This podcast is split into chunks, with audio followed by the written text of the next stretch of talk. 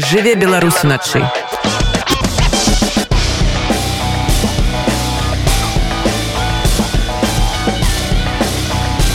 беларускія ноцы. Адкрываючы выставу яе ініцыятар кіраўнік дабрачыннага фонду вільна Беларусь Алексей Францкевич адзначыў, што для яго вельмі важна паказаць унёсак беларусаў у змаганне супраць расійскай агрэсіі менавіта ў чарнігаве рэгіёне куды ў лютым 2022 года з тэрыторыі беларусі ўвайшлі расійскія захопнікі у самім чарнігаве дагэтуль захаваліся сведчанні таго нападу разбураныя будынкі і цэлыя раёны жителі чернігівської області розділяють білорусів на справжніх білорусів на тих людей, які підтримують режим Лукашенка. Дійсно, Чернігівська область, як і вся Україна, піддалась підступному удару в спину, можна сказати, коли росіяни поїхали з території Білорусі. Зараз в області нараховується більше 10 тільки зареєстровано 10 тисяч зруйнованих та пошкоджених об'єктів нерухомості. Звісно, ми всі пам'ятаємо, як це все було, і ми пам'ятаємо, що війна на всій території України продовжується. З приводу Білорусі постійно в інформаційному просторі лунають е, повідомлення інформаційно-психологічних підрозділів Російської Федерації про те, що буде черговий наступ з території Білорусі, як це було е, в е, лютому березні 22-го року, але суспільство вже більш стримано до цього ставиться, тому що, знаєте, як легенда про вовка, ну ми вже, скажімо, більш спокійніше, тим паче постійно роз'яснюємо і спостерігаємо і наші розвідувальні органи про те, що там не рахується ніяких там ударних підрозділів на території Білорусі. Тому ми вже зараз, через майже два роки повномасштабного вторгнення, спокійніше відносимося до загрози з території Білорусі. Але ж ми не забуваємо, що звідти їхали танки, летіли ракети і вбивали наших людей сказаў інтэрв'ю нашаму радыё падчас адкрыцця выставы намеснік начальніка чарнігаўскай абласной ваеннай адміністрацыі Іван Вашчанка падчас адкрыцця выставы набажэнства правёў святар праваслаўнай царквы ўкраіны Яўген Орда які з'яўляецца этнічным беларусам перад малебнам які ён правёў на беларускай мове айцец Яўген сказаў што ў чарнігаўскай вобласці жыве найбольшая беларуская дыаспора ва ўкраіне найбільша дыаспора щось ми в Україні білоруска в Черняві В Гомелі живе і в області 40 тисяч українців, тут живе 22 тисячі білорусів. І ці люди є дуже справжніми громадянами цієї держави. Я дуже, я знаю дев'ятьох уже білорусів, які поклали своє життя в борні за нашу українську державу, за нашу батьківщину. Вони поховані не ясово, я знаю їх поіменно. Е, вони завжди були українцями і завжди лишаються білорусами.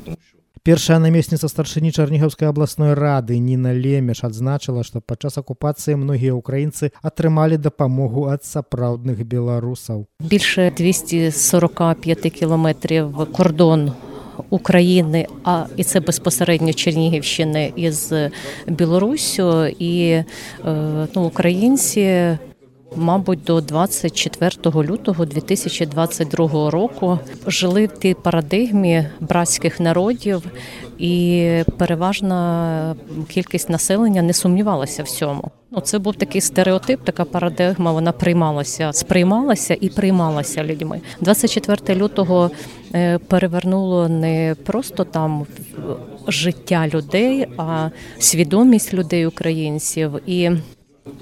Ну, перша, е, мабуть, реакція і перші такі відношення до Білорусі, воно було, мабуть, мало чим відрізнялося від відношення до росіян. Е, але е, є факти, вони не поодинокі, коли у лютому березні 22-го року е, жителі Чернігівщини окупованих територій їх було дуже багато, і велика кількість людей в там буквально за лічені години попала в оточення, і вони не мали зв'язку і не мали можливості там отримувати і інформацію, і якусь допомогу, і продукти харчування, і ліки з цієї території в Чернігові була складна ситуація, але вони отримали для себе неочікувану допомогу зі сторони білорусів, е, тому що я знаю людей, які виїздили з окупованої території на території Білорусі і е, отримували е, там ліки, продукти, хліб. Ну якісь продукти харчування довготривалого зберігання, і е, вони спілкувалися своїми ж родичами. Вони спілкувалися з незнайомими людьми, і вони чули позицію білорусів, що білоруси це не підтримували. Сам режим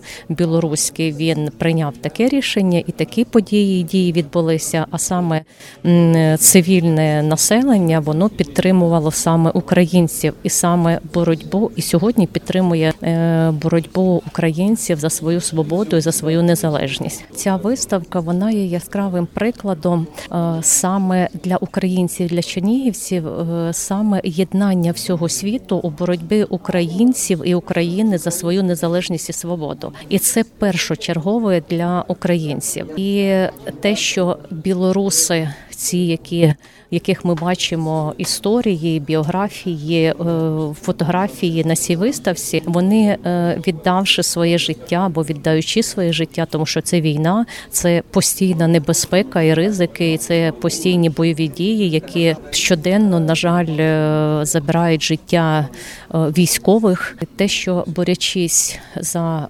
незалежність України, білоруси. Ем, роблять такий крок для боротьби е, за е, незалежність України і за за незалежність демократичної саме Білорусі. На адкрыцці выставы была і прадстаўніца ранейшай афіцыйнай беларускай дыяспары Ніна камінская.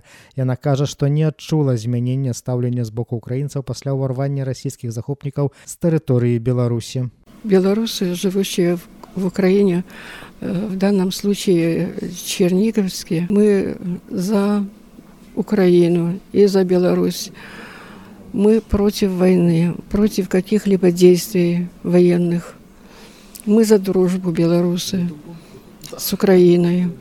Наши предки тоже дружили с Украиной. Это я могу с уверенностью сказать по своих родителях, как они относились к Украине, когда я еще была таких школьных э, год. Вот, и они рассказывали про Украину, цікавились Украиной. И украинцы приезжали, и сейчас много э, украинцев живет на Белор... в Беларуси, а белорусов живет в Украине. И мы, как братья, как братья и сестры, между белорусами и украинским народом я ничего не ощутила, не ощутила негативного. Они относятся как сестры и братья к нам, как, как и украинцам. Украинцы к украинцам также и белорусам относятся. Живе Беларусь ночи!